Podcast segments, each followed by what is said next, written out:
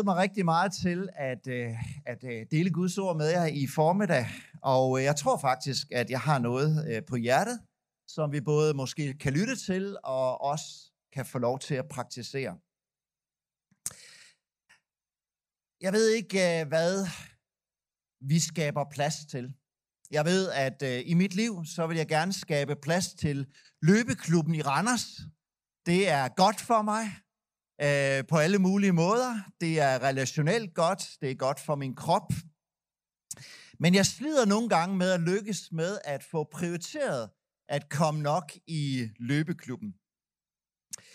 Jeg ved ikke, hvorfor det nogle gange skal være sådan, at de ting, som øh, vi gerne vil skabe plads til, og som er gode for, skabe plads til, make room for, ja, I er med? Ja, super godt. Hvorfor det nogle gange er så svært? Er det fordi, at øh, der er så mange muligheder? Er det fordi, vi har et øh, hurtigt tempo i Norge? Er det fordi, det bare er vanskeligt at fastholde de vigtige prioriteringer i livet? Eller noget helt fjerde? Jeg ved det faktisk ikke. Jeg tænker mange af os, øh, som er her i formiddag, vi er mange af os, der har en tro på Gud og har oplevet et helt nyt liv i Jesus oplevet noget af det her, vi har sunget i de her skønne sange. Vi ved, at når vi skaber plads til Gud i vores liv, så bringer det rigtig meget godt med sig. Når vi har plads til at være sammen med ham, der styrer universet, ham, der kender os, ham, der elsker os, og mærker den her stærke, trygge borg, han kan være midt i en usikker verden, så ved vi bare, at der er ikke noget bedre for os. Og den her plads kan jo se meget forskellig ud. Som en formiddag, hvor vi her lytter til Guds ord, tilbeder, løfter ham op, så gør det noget godt for os at skabe plads til noget andet end os selv. Det kan være i de mindre grupper, men det kan også være derhjemme i vores eget liv, hvor vi tager tid til at bede, tager tid til at læse Guds ord, tager tid til fællesskab med andre og gør plads til ham. Så ved vi, hvor meget godt det gør omkring os. Men her i formiddag, så har jeg lyst til at tale om øh, Helligånden. Fordi øh, jeg tror, han er nogen for nogle af os den svære Gud i træenigheden rigtig at forstå. Mange tror jo, at Helligånden det er et spøgelse, Holy Ghost. Sådan mere som sådan en ting end en person. En del af os har lettere ved at forholde os til Gud Fader, som skaberen, som vores far i himlen, den almægtige Gud. Nogle af os har måske endnu lettere ved at forholde os til hans søn, som vi har sunget om i formiddag. Jesus, der vandrede på jorden, og som var fuld af noget og kærlighed. Det er ligesom til at forholde sig til. Men når han så efter at have vandret på jorden stiger til himlen, Kristi Himmelfartsdag, så siger han til sine efterfølgere, at han har tænkt sig at sende en i hans sted, Helligånden. Og det, jeg gerne vil være, øh, ønsker skal være dit takeaway den her formiddag, det er, at hvis vi lykkes med at skabe plads til Helligånden, med alt, hvad han kan tilføre os i vores liv, så får det daglige kristne liv en helt ny dimension og et helt nyt indhold, der både kan ændre dit eget liv, din familie, din skole, din arbejdsplads. Jeg tror endda ændre på forholdene i Lyngdal. Jesus han underviste omkring Helligånden, og sådan den, den længste undervisning, den har det jo Johannes evangelie, kapitel 14 og kapitel 16. Og han fortæller blandt andet, at, at Helligånden kommer til at tale på vegne af Gud. At Helligånden vil komme med sit nærvær, når Jesus ikke længere skal være sammen med den. Han fortæller, at Helligånden vil lære dem og undervise dem og minde dem om alt det, som Jesus havde sagt. At han ville give dem fred, når de bliver bange. At han ville overbevise mennesker om behovet for Gud. Og komme og vise sandheden. Og ikke mindst, sagde han, så vil Helligånden komme og udruste jer med sådan en kraft, at I får frimodighed til jeres hverdag at fortælle om alt det, som I har fået i Kristus. Jeg ved ikke, hvad de første efterfølgere de havde tænkt, da de har hørt Jesus tale om det her. Jeg tror, de har tænkt sådan noget retning af. Nå, okay, der kommer en efter dig, Jesus, som ligner dig. Okay, det forstår vi. Men samtidig så tror jeg ikke, de forstod ret meget mere. For Jesus var jo fysisk kun på ét sted. Hvordan kunne ånden være på alle steder? De sidder slet ikke med den erfaring, som nogen af os sidder med i dag. Jeg tror, de har været rigtig forvirret og ikke forstået ret meget af det, som Jesus han sagde.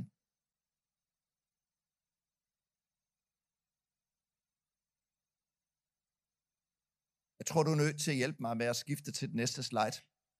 For en del år siden, så øh, var jeg i Pensacola i USA. Og øh, det er virkelig mange år siden faktisk, når jeg tænker over det. Det var sådan en tid, hvor der var et fantastisk nærvær af Gud. Mennesker, de kom fra hele verden i tusindtal. Og så oplevede de åndens kraft. De oplevede, jeg oplevede for første og eneste gang, at jeg var til sådan et bønnemøde, og uden at nogen var i nærheden af mig, så faldt jeg bare. Jeg væltede ganske enkelt ikke, fordi jeg kunne ikke stå på mine fødder. Guds ånd var så utrolig nærværende og kraftfuld.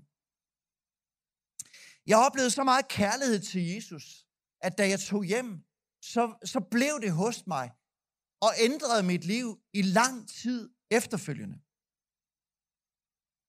Alt det, det vidste disciplerne jo ikke noget om, da Jesus fortalte dem omkring helgen.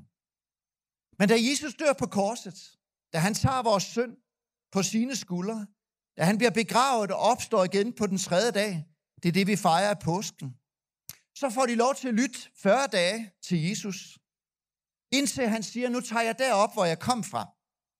Og lige inden han siger det til dem, så siger han, nu skal I blive i Jerusalem, indtil at I får iført kraft fra det høje. Og det gør de så. De venter i 10 dage faktisk.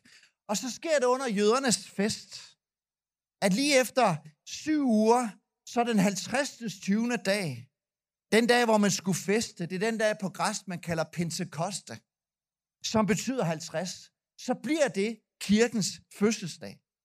En dag, hvor der var tusindvis af jøder samlet i Jerusalem. Både jøder og også ikke jøder, som var konverteret til den jødiske tro. Der sker alt det, som Jesus havde forudsagt. Helligånden kom over dem. Du kan læse om det i Apostlenes Gerninger, kapitel 2. Der gik ild i deres hjerter. Der sad ligesom tunger af ild over dem. Og sammen med den der ild i hjertet og tunger af ild over dem, så kom der et kraftigt vindstød, som fyldte hele huset. Og som jøder, så vidste de godt, at vind og ild, det er symboler på ånden. Så de var klar over, at lige pludselig så gør Gud noget hos os, som vi bare ikke har oplevet før. De blev fyldt af hold ånden. De blev fyldt af Guds nærvær. De går ud på gaderne. De møder mennesker fra alle mulige andre nationer. Og, og nationer, som taler anderledes end hebraisk og aramæisk.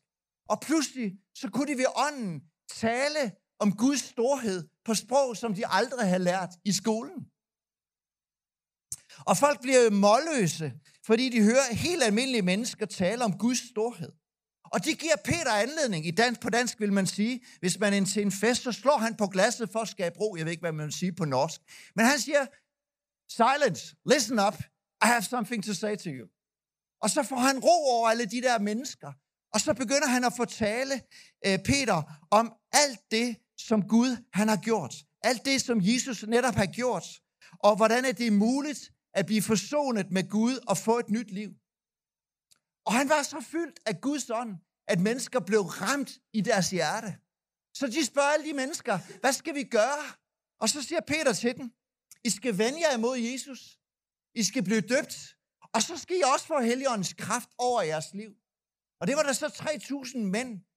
Og så kom der kvinder og børn, måske 6, 8, 10.000, som den dag bliver døbt, vender sig mod Gud og oplever kraft fra Helligånden og begynder en ny vandring sammen med Jesus. Bare på en dag. Men nu med ånden som både følgesvend og kraftkilde. Den Helligånd har ikke mistet sin kraft og sin styrke i dag. Tror I på det i Lyngdal? Helligånden er lige så kraftfuld dengang, som han var i dag. Det kan blive et eventyr at være en efterfølger af Jesus. Men det kan også blive angstprovokerende, fordi nogle gange, så mister du kontrollen. Nogle gange har du ikke styr over situationen, når ånden pludselig begynder at opmuntre dig til at gøre et eller andet. I apostlenes gerninger, og i alle de breve, der følger efter, der ser vi, hvordan at ånden skaber plads i disciplenes hjerner og hjerter. Så evangeliet kommer længere ud. For det er alle de der jødekristne disciple, de har en forståelse af, at evangeliet, det er kun til os. Det er ikke til de andre. Jesus, han er kun til os.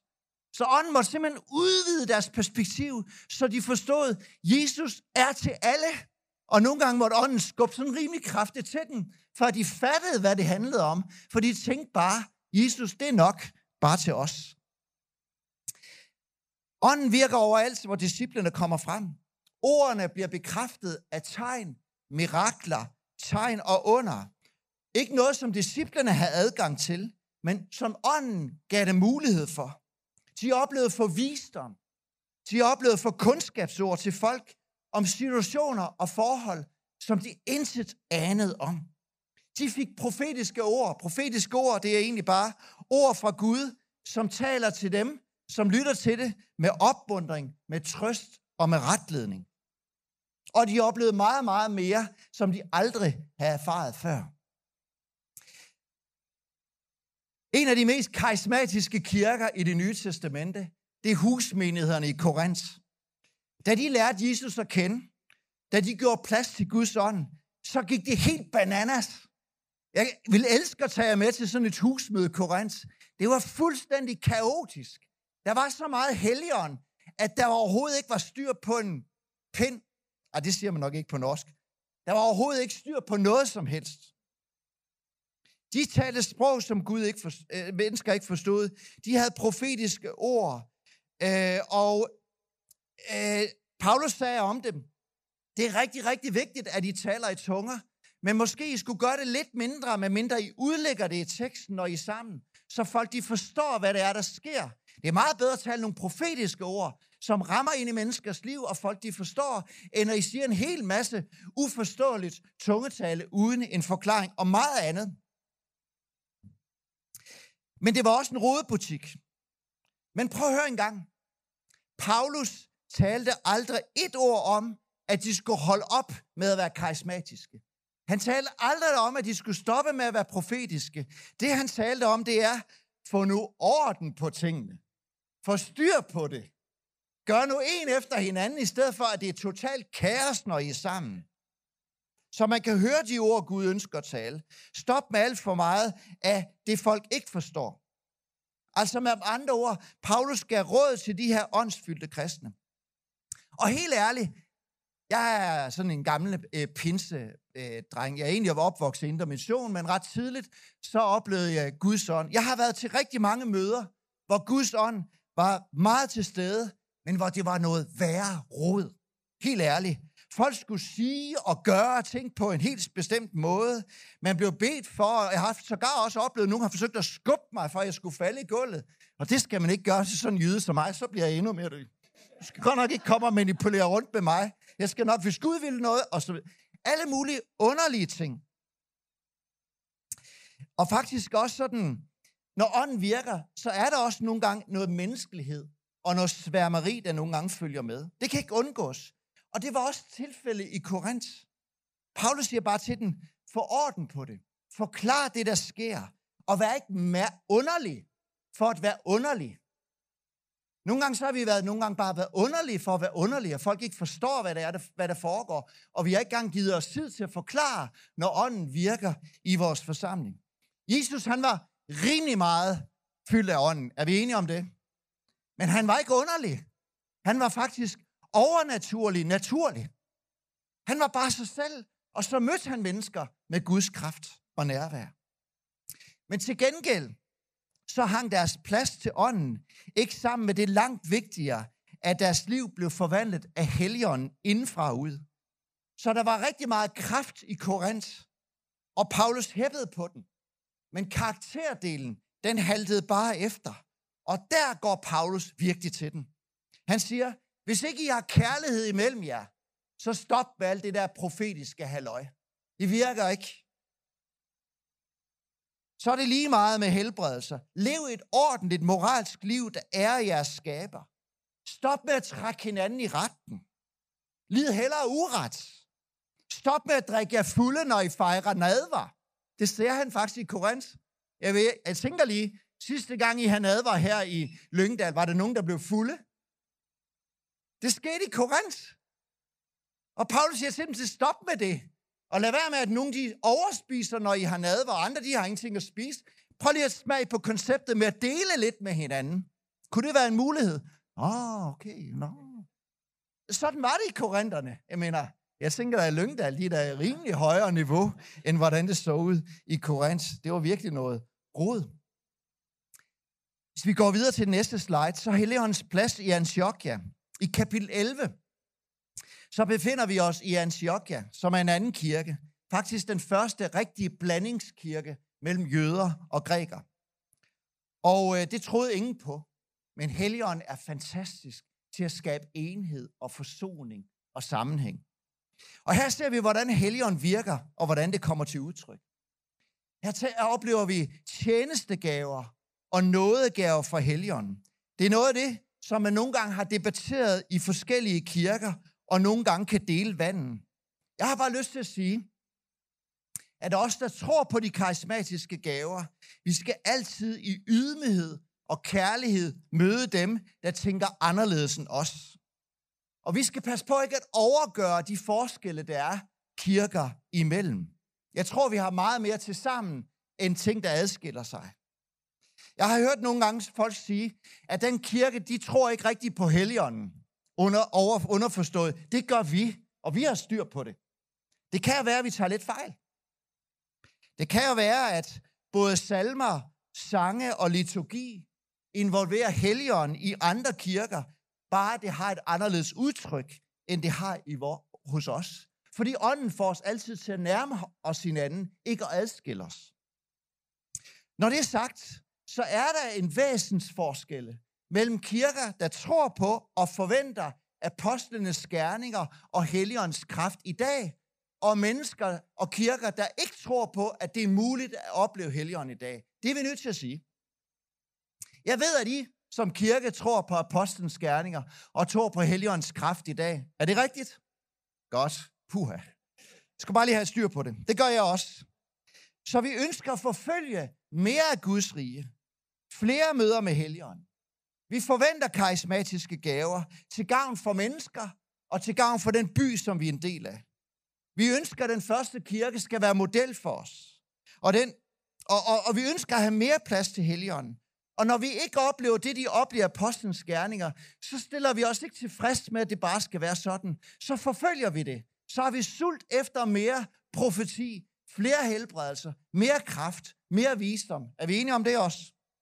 En af de mest skønne mennesker, jeg kender, og som har velsignet så min familie og jeg rigtig meget, det er en, en, en fyr, der hedder Ken McGreevy fra England, med en meget, meget stærk profetisk tjeneste. Han er død i dag. Men hold op, hvor har han mange gange lige præcis talt de rigtige ord i den rigtige situation, i, de, i de, øh, der hvor jeg har været i livet. Det har været helt vildt fantastisk. Nu tænker de bibelkyndige herinde, skal vi ikke have noget Guds ord? Jo, det skal vi. Så nu går vi til Apostlenes Gerning, kapitel 11, og så skal vi læse fra vers 19 af, og så prøv at se, hvordan det hang sammen der. Og jeg håber, du vil hjælpe mig dernede. De, der var blevet spredt under den første forfølgelse, under den forfølgelse, der udbrød i anledning af Stefanus, de rejste nu til Føkien og Kyberen og Antiochia. Men de forkyndte kun ordet for jøder. Men iblandt dem var der nogle kyprioter og kyrenæere, som kom til Antiochia og som også talte til grækerne og forkyndte evangeliet om Herren Jesus til dem. Og bemærk, hvad der sker. Herrens hånd var med dem, så et stort antal grækere kom til tro og vendte sig til Herren. Rygtet om dem kom menigheden i Jerusalem for øre.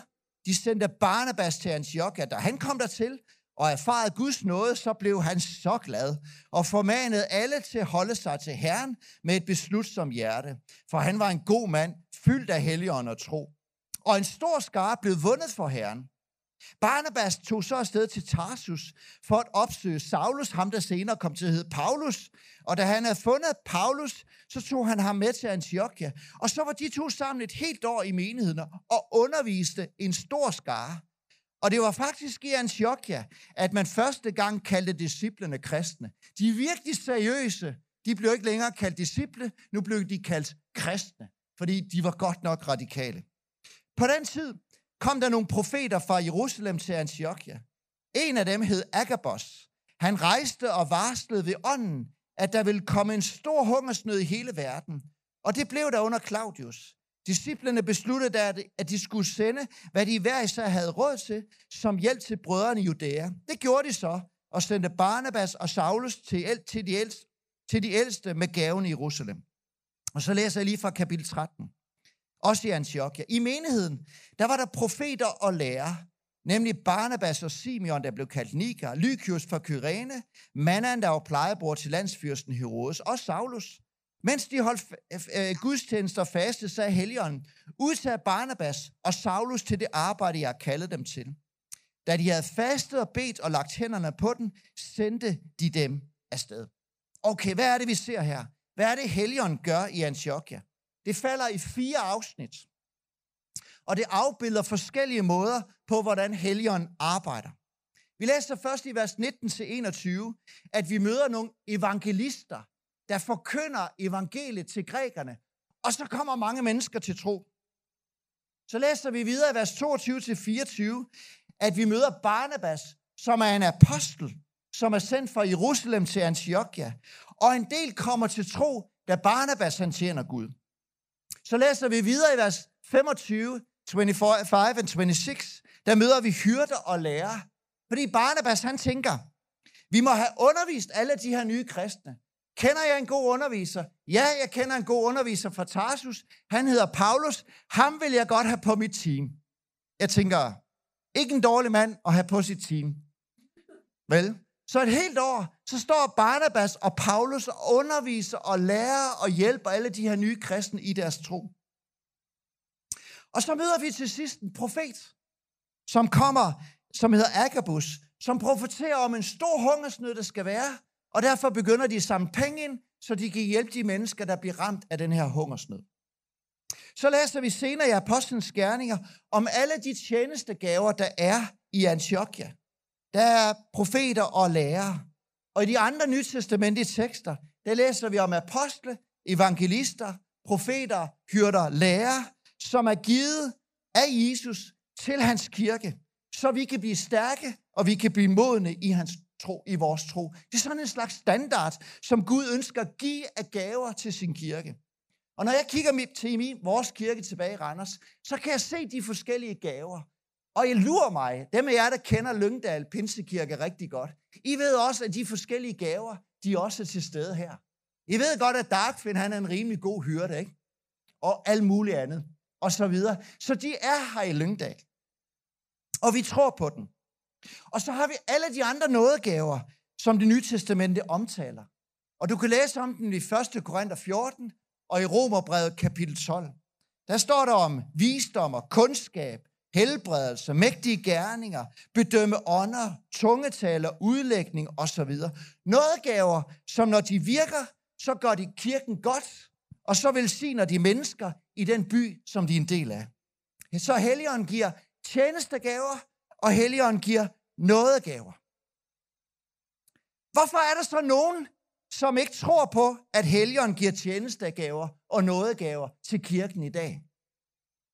Det bliver med en fin teologisk term kaldt sessionisme, og som betyder, at alt det mirakuløse, det stoppede dengang apostlene levede. Og der er to grunde til, at man ikke tror på det. Der er en teologisk grund. Fordi teologisk, så connecter de apostlenes kraft og mirakler og tegner under, som var givet som et vidne om Jesus i den her særlige tid lige efter Jesu opstandelse. Så skulle de bære vidner om den opstandende Jesus.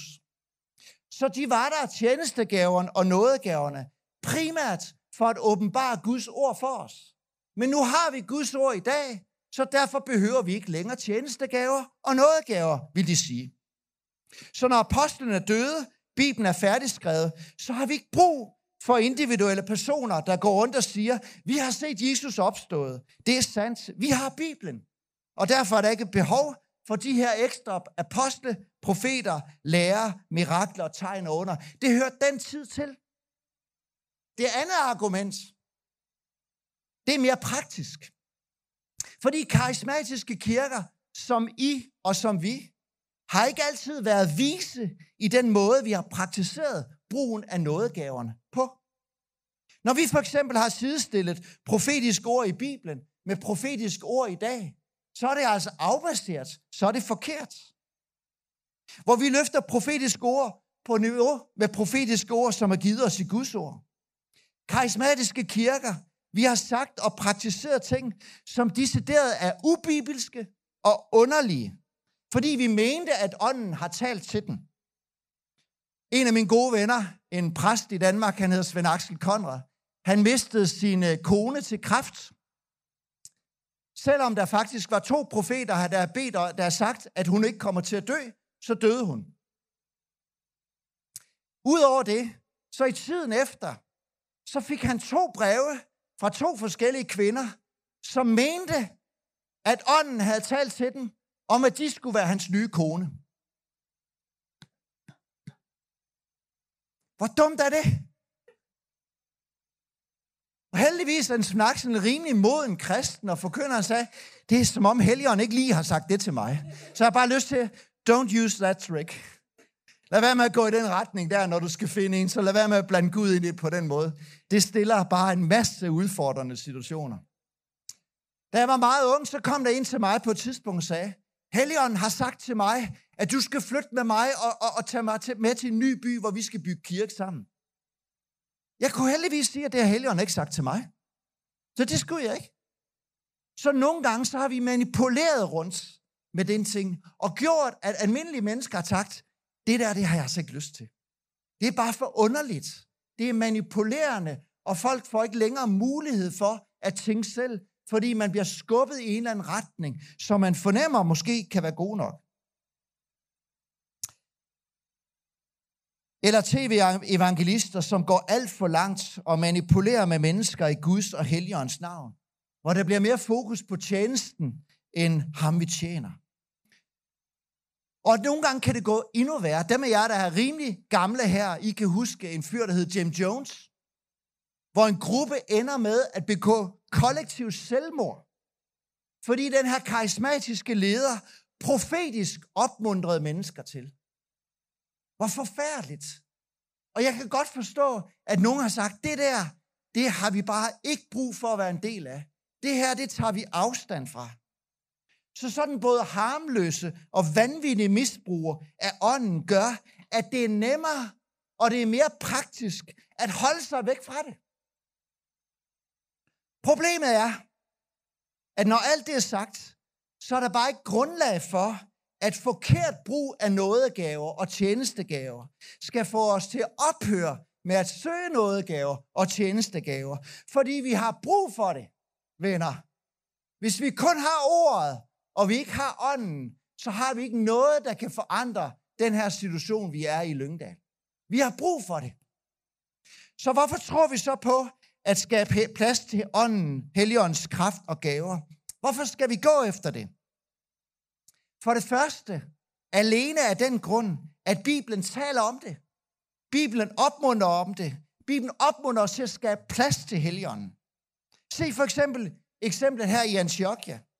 Dem, som vi siger, vi ikke har, dem, som siger, vi ikke har apostle i dag, fordi det er begrænset til dem, der var øjenvidner til opstandelsen.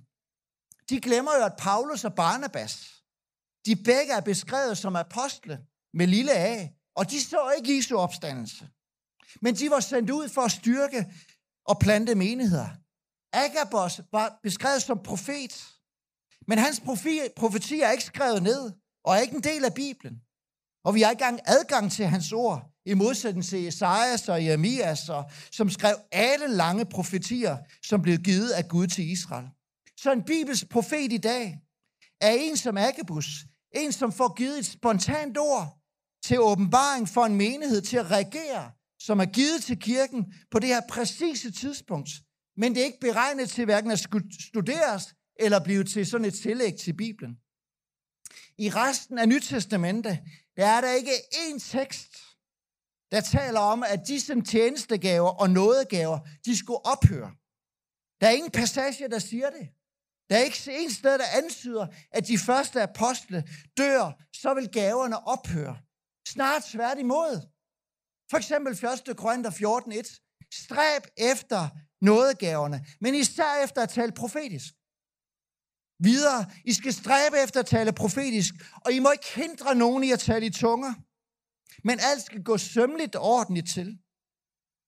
Romerne kapitel 12. Vi har forskellige nådegaver, alt efter den nåde, vi har fået. Den, der har profetisk gaver, skal bruge den. 1. Thessaloniker 5, vers 19.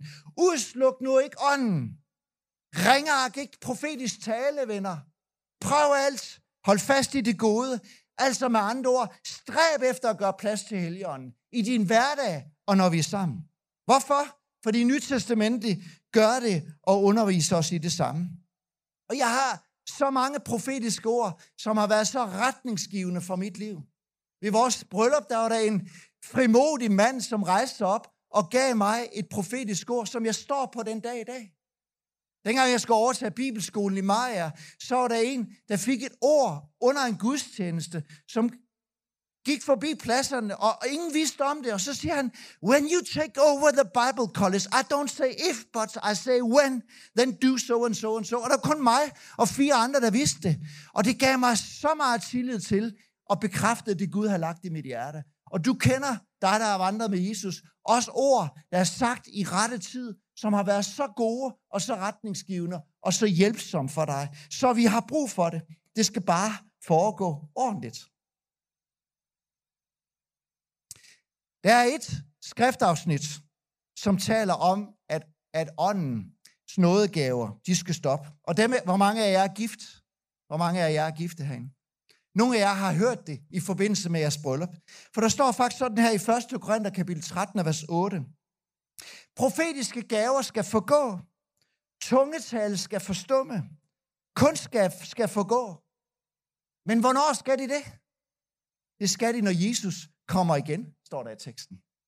Og vi skal se ham ansigt til ansigt, så har vi ikke brug for profetiske ord. Så har vi ikke brug for kundskabsord. Det stopper på et tidspunkt, men det stopper ikke før.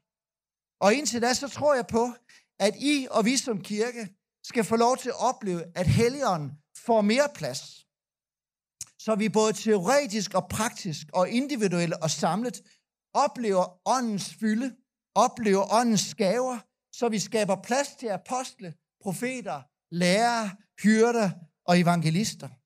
Og vi får lov til at opleve alle de nådegaver, som det nye testamente har for os. Hvornår er det sidst, du har lagt hænderne på et menneske, og det menneske er blevet rask? Ånden er ikke, har ikke ændret sig. Gud ønsker, at vi skal opleve det. Mirakler, tegn, under, visdom, dæmonuddrivelse, mission og alt muligt andet godt. Og Gud er her på det her sted. Og Gud er her for at møde os den her formiddag. Så vi får lov til at opleve, at Gud bliver æret igennem brugen af noget af det, som han har givet til vores liv. Ikke som noget, vi skal lege med, men som til en velsignelse for mennesker og til gavn for vores by. Amen. Jeg vil ikke bede lovsangen om at komme herop. Om et øjeblik, så skal vi bede en bøn sammen. Jeg vil gerne opmuntre dig til én ting og gå hjem, og i morgen mandag, så beslut dig for dig, som kender Jesus, at give mere plads til Helligånden i din hverdag. Helt konkret, hjælp mig lige her. Gør det praktisk og gør det enkelt. Min kone Trine, hun er rigtig god til at involvere Jesus og Helligånden i hverdagen. Hjælp mig lige med det her. Hvad skal jeg sige i den, den her situation? Næste gang du får et anledning til at bede for et menneske, så gør det. Og tro på, at Gud virker igennem dig, for det er ikke os, der er vigtige, men ånden, der får lov til at virke igennem os til glæde og gavn for mennesker omkring os. Slip kontrollen og gør det. Det skal være min danske udfordring til jer. Og til dig, som ikke kender den her Jesus, så har du mulighed for at lære ham at kende den her formiddag. For alting starter der. Og du kan både blive frelst, jeg ved ikke, om du kan nå at blive døbt i dag, men du kan i hvert fald blive døbt med helligånden også i dag, hvis du trænger til det. For Gud er her for at møde os. Men hvis du har det som mig, og hvis du mærker behovet efter at skabe mere plads til helgen i dit liv, et ønske om en ny fylde af helgen, mere af hans vejledning, mere af hans kraft, mere af hans frimodighed, mere af hans styrke. Så når vi begynder med lovsang om et øjeblik, så vil jeg gerne opmuntre dig til at komme herop i min venstre side, jeres højre. Så skal vi bede om, at ånden kommer over os på ny, og vi får noget at gå hjem med. Og det har jeg lyst til at opmuntre dig til. Det kan også være, at du sidder med et behov af sygdom, så er Gud her med sin kraft. Den anden mulighed, hvis du tænker, at jeg er sådan lidt en øh, generet nordmand øh, fra Lyngdal, så kunne det også være, når vi rejser os op, at vi bare kunne vende os mod sidemanden, hvis du har det okay med det, og så bede om, at ånden må fylde os, så vi får kraft til at være hans vidner, der hvor Gud har placeret dig i morgen. At vi får lov til at opleve, at Gud virker igennem os, så vi ikke bare har det i hjernen, men vi oplever det i hjertet, og det kommer ud og gør en forskel i menneskers liv. Vil I være med til det? Kan vi ikke rejse os op? Så vil jeg bede en bøn sammen. Og så benyt dig anledning til at øh, få forbøn her, der er forbeder her. Jeg vil også gerne være med til at lægge hænderne på dig. Men lad os være aktiv nu i lovsangen. Og lad os benytte anledningen til, at ånden kommer her og fylder os med det, vi trænger til i dag. Jesus, vi er her, og vi vil gerne bekende, at vi tror på pinsedagen. Vi tror på, at du kom og fyldte os med kraft til tjeneste. At du kom med en erstatning for dig selv, nemlig Helligånden. Og vi beder dig om, at Helligånd, du vil virke på vores hjerter nu. Vi beder dig om, at du vil komme og fylde os. Og give os det, vi trænger til af åndeligt liv. At du må få lov til at fylde os med nogle af dine nådegaver, så vi får lov til at være en større velsignelse til der, hvor du har sat os i hverdagen. Kom over os, Helligånd. Vi har brug for din kraft. Vi har brug for din styrke. Kom, Helligånd. Vi ønsker at henvende os til dig. Vi ønsker at møde dig den her formiddag i Jesu navn. Og lad os benytte anledningen nu til at søge ham.